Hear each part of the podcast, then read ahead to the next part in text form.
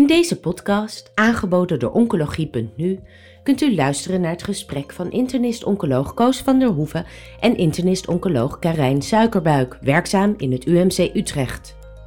Aan bod komen de laatste ontwikkelingen met betrekking tot de behandeling van melanoom, gepresenteerd tijdens de 2023 ESCO Annual Meeting.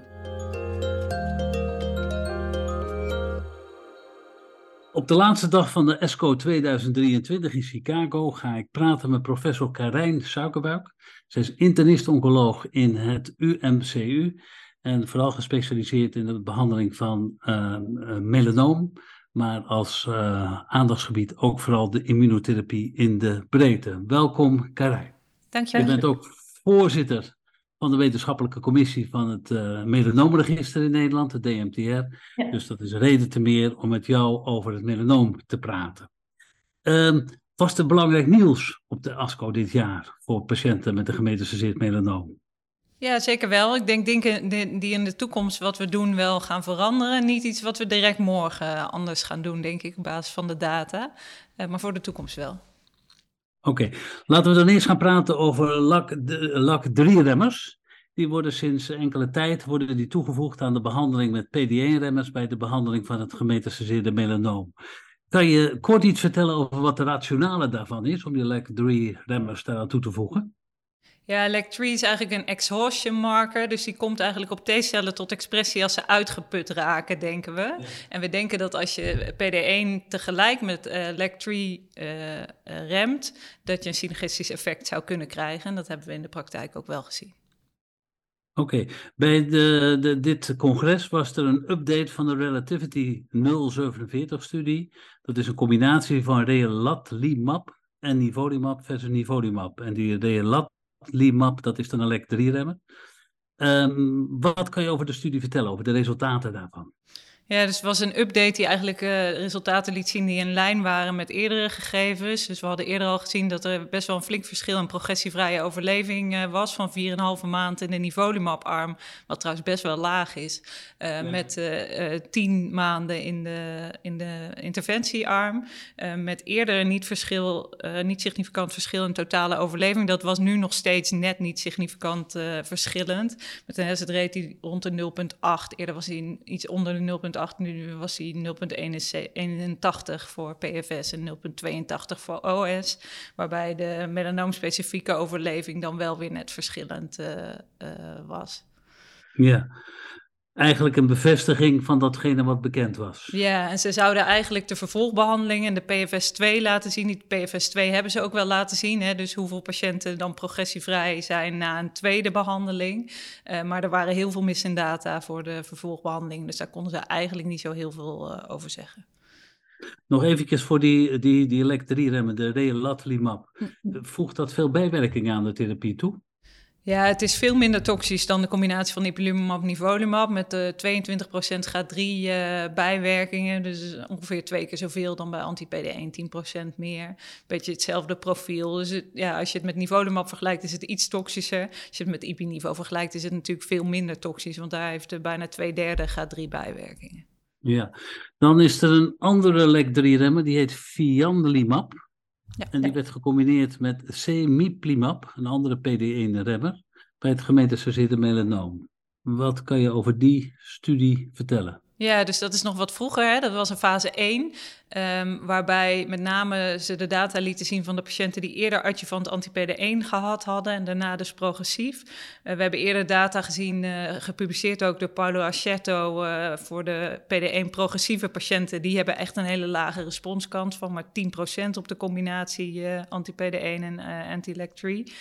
hier was de responsrate eigenlijk opvallend goed, 61% voor die patiënten die dus eerder... Ja, dat is veel.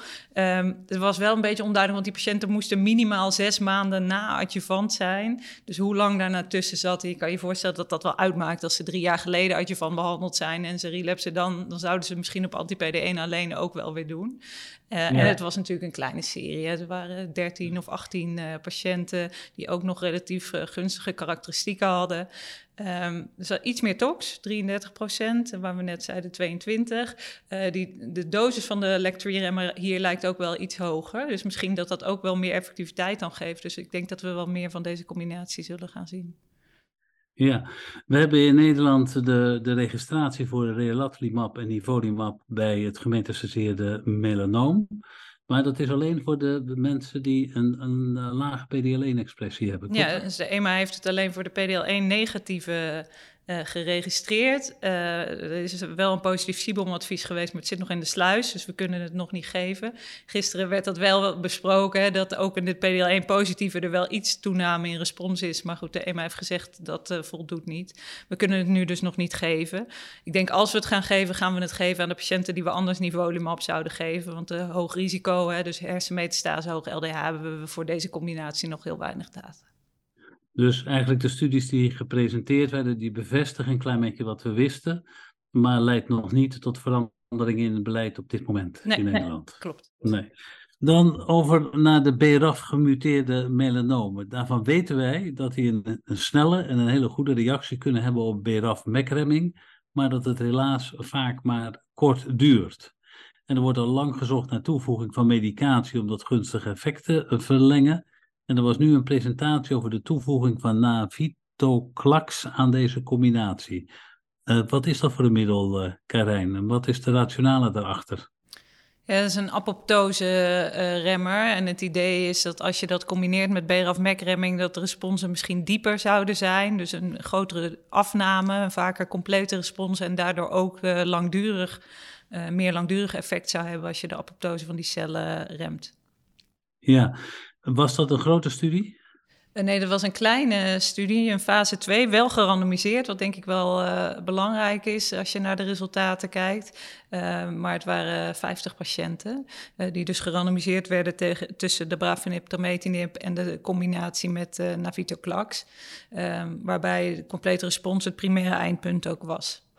Ja, en was het aantal complete responses groter? Ja, dus dat was uh, een significant primair eindpunt. Dus het verschil was 20 uh, versus 16 procent.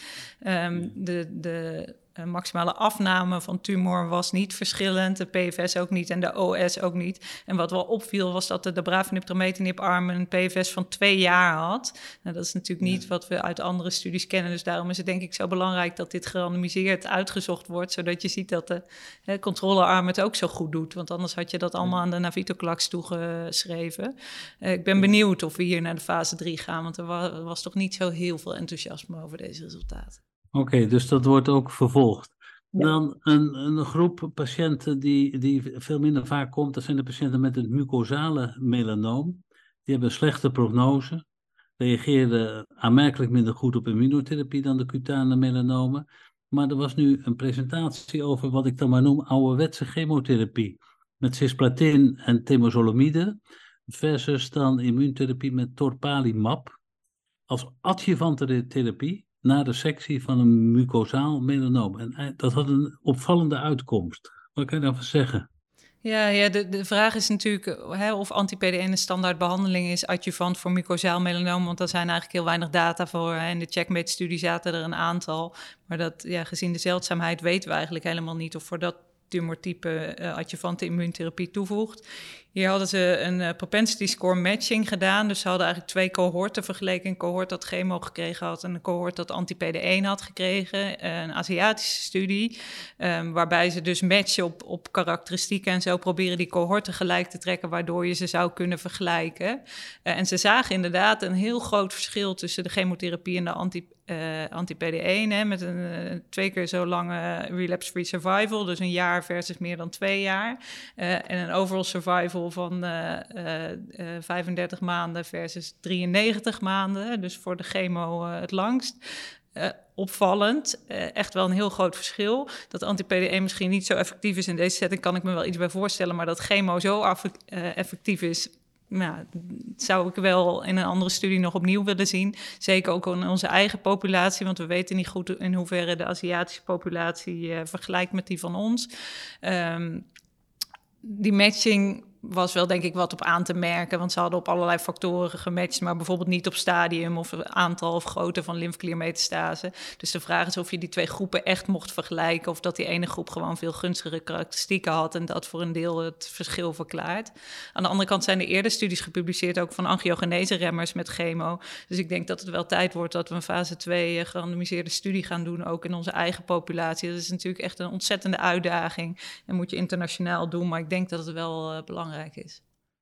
Maar in de periode dat er nog geen BRAF-mekremming was en nog geen immunotherapie, werd temozolomide wel eens gebruikt. En in de vorige eeuw werd ook cisplatin wel eens gebruikt. Ja. En je weet dat die patiënten met een mucosaal melanoom eigenlijk op de gebruikelijke middelen slecht reageren. Dus stel je het wel eens voor. Het is ook niet zo heel duur om aan patiënten te geven. Nee, nou, adjuvant in ieder geval niet. Want ik denk dat het wel gewoon een heel toxische uh, behandeling is... waar je te weinig evidence voor hebt. In de gemeentelijke setting doe ik het eerlijk gezegd niet... maar misschien zouden we dat vaker moeten overwegen. Ja, dan nog een vraag van mij over vaccins. Er, is, wordt al heel lang gepraat over vaccins bij de behandeling van het melanoom. Was er nog nieuws over de vaccins? Misschien omdat de techniek die gebruikt is om het COVID-vaccin te gebruiken ook eh, gebruikt zou kunnen worden om vaccins te ontwikkelen voor het melanoom. Ja, ja, dat was denk ik wel een hele mooie studie. Waar al, uh, de RFS-data waren al op de ECR gepubliceerd. Dus daar was toen al wat reuring. Dat was de Keynote 942-studie, waarbij patiënten met stadium 3 tot 4 melanoom adjuvant behandeld werden met of pembrolizumab of pembrolizumab met een gepersonaliseerd mRNA-vaccin. Net zoals de vaccins die je net noemde. wat dan intramusculair gegeven wordt. was een fase 2-studie met 150 patiënten dus wel gerandomiseerd met echt wel een flink verschil tussen die twee armen. Dus eigenlijk wel de eerste studie die een winst laat zien ten opzichte van de behandelingen die we nu standaard uh, adjuvant laten zien. En denk ik wel heel veelbelovend. Waarbij eigenlijk nog opviel dat de, uh, de winst in DMFS, dus winst in het voorkomen van afstandsmetastase, misschien nog wel groter leek dan de RFS. dus nou, of dat echt zo is, hè, dat het niet alleen relapses voorkomt, maar zelfs misschien meer effect heeft dan andere behandelingen op het voorkomen van afstandsmetastase, zullen we in de fase 3-studie moeten gaan zien. En dit middel gaat ook zeker naar de andere stadia, naar de andere tumortypes toe. Ja, nou, dus eh, veelbelovend, maar voor de toekomst, maar op dit moment nog niet, maar wel veelbelovend. Zeker, ja. Um, de adjuvante therapie voor uh, stadium 3, daar hebben we al de afgelopen jaren heel veel over gehoord. Maar er worden ook studies gedaan bij lagere stadia. En nu was er een, een update van de Keynote 716. En die gaan over stadium 2b en 2c die dan een jaar pembrolizumab versus placebo krijgen. Uh, zou je kort kunnen aangeven wat een, een stadium 2b en 2c is?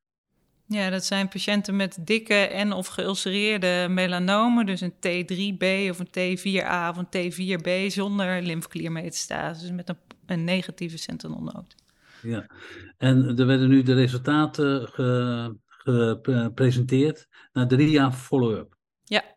Ja. Wat waren de resultaten? Ja, het bevestigt eigenlijk de eerdere data uh, met een uh, significant verschil in uh, recidiefvrije overleving.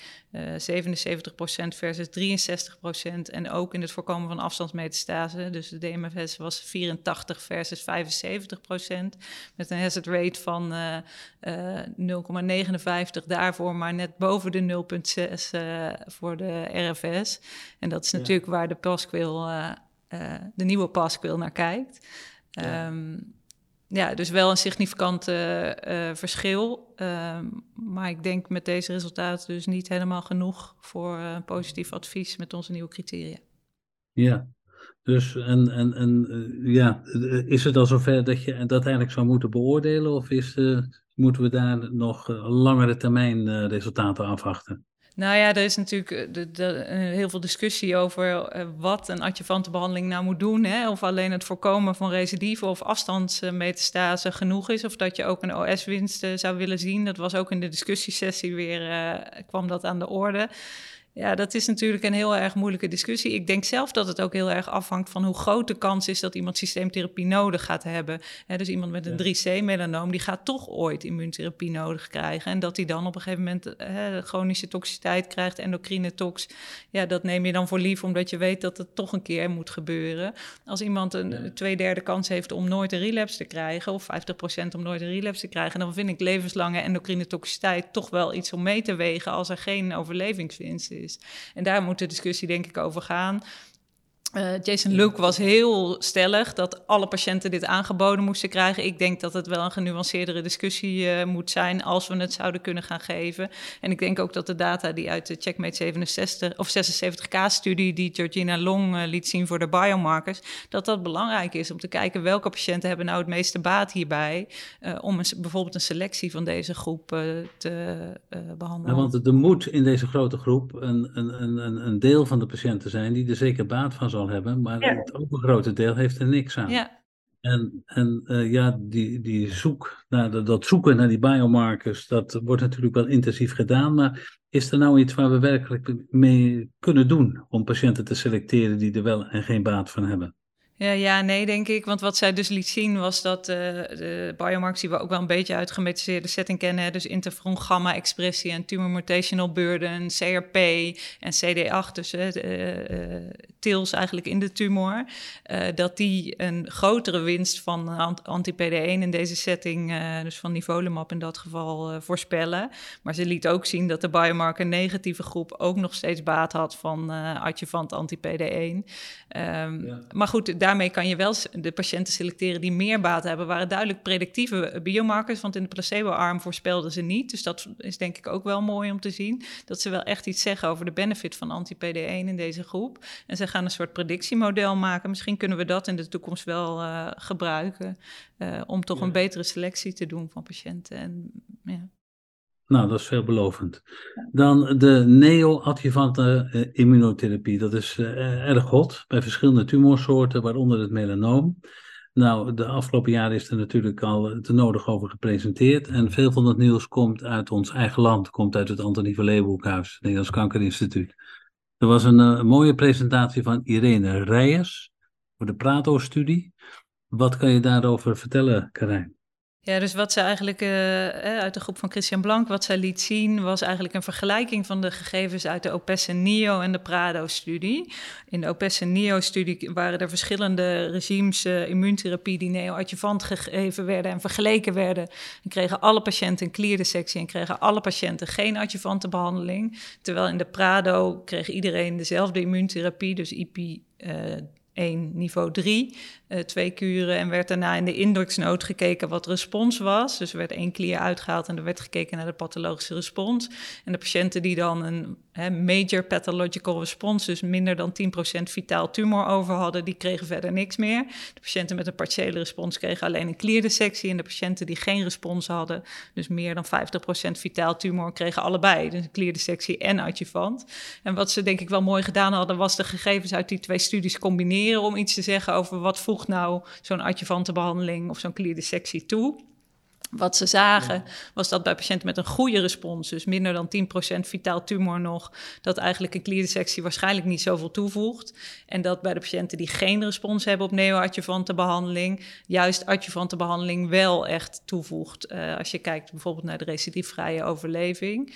Um, ze hebben ook nog wat subgroepanalyses gedaan over wat, hè, bijvoorbeeld bij patiënten met een BRAF-mutatie, wat dan voor adjuvante behandeling je dan zou moeten geven. Want je zou misschien denken, als iemand op neoadjuvante immuuntherapie niet goed reageert, reageert, dan geef je daarna BRAF-MEK-remming. Maar ja, er waren kleine groepen, maar het leek juist alsof adjuvant immuuntherapie voor die groep beter was. En ze lieten ook zien dat patiënten die geen systeemtherapie meer konden krijgen, bijvoorbeeld vanwege uh, bijwerkingen uh, na een non-respons op neoadjuvante behandeling, dat die misschien wel baat hebben bij toch bestraling. Um, ja. Dus ik denk dat dit ons wel weer helpt. Er is nu een hele discussie, komt er natuurlijk nu, van hoeveel gegevens hebben we nou echt nodig om te zeggen dat die mensen met een goede respons geen klierdissectie meer moeten krijgen. Moet dat nog een gerandomiseerde studie zijn of is een heel groot cohort vergelijkend met een historisch cohort ook goed? Um, ja, die discussie uh, die gaat gevoerd worden. Maar ik denk dat we er uiteindelijk naartoe gaan om patiënten zonder, uh, met een hele goede respons geen klierdissectie meer aan te doen. Op die discussie kom ik dadelijk nog even terug, maar hoeveel van die patiënten hadden een major uh, pathologische respons? Um, uit mijn hoofd rond de 60 procent. Um... Dus dat zou betekenen dat je 60 procent van die patiënten een klierdissectie en nog een langdurige adjuvante therapie kan besparen. Ja. Ja. ja. ja en dus ik denk dat, uh, dat, dat, uh, dat het wel een, een belangrijke vraag is hoeveel bewijs je nou nodig hebt om uh, te zeggen dat dit standaardtherapie is. Want ik neem aan dat er toch zo af en toe wel eens patiënten naar je toe kunnen komen en die zeggen ik wil dit gewoon hebben. Ja. Je bedoelt uh, voordat, uh, de, voordat je de kliedensectie weglaat of voordat je neoadjuvante behandling standaard dus dat wordt? je neoadjuvante behandling doet en dan uh, de sentinel node verwijdert, in plaats van dat je een, uh, een uh, lymfkliedensectie doet, gevolgd door adjuvante therapie, want dat is de standaard op dit moment. Ja, ja we hebben natuurlijk de SWOG-data vorig jaar gezien met anti-PD1 neoadjuvant, waar een indrukwekkend verschil denk ik ook wel was. Ja, dat is door de FDA nog niet goedgekeurd en door de EMA ook niet. dus tot nu toe doen we dat niet. We hebben natuurlijk in Nederland een NADINA-studie waar we alle patiënten nu in behandelen. Ik denk dat dat goed is, want ik denk dat dat het belangrijk is dat er een fase 3-studie gerandomiseerd komt, ook voor deze combinatie, uh, die kijkt naar het verschil tussen neoadjuvant en, uh, en adjuvant. Um, en tot die tijd behandel ik geen patiënten buiten studie neoadjuvant. Nee. Dan uh, ja, wil ik eigenlijk je dadelijk het laatste woord geven. Maar misschien wanneer is je oratie? Want je bent hoogleraar geworden en je gaat binnenkort je oratie uitspreken. Wanneer ja, is dat? 19 april 2024.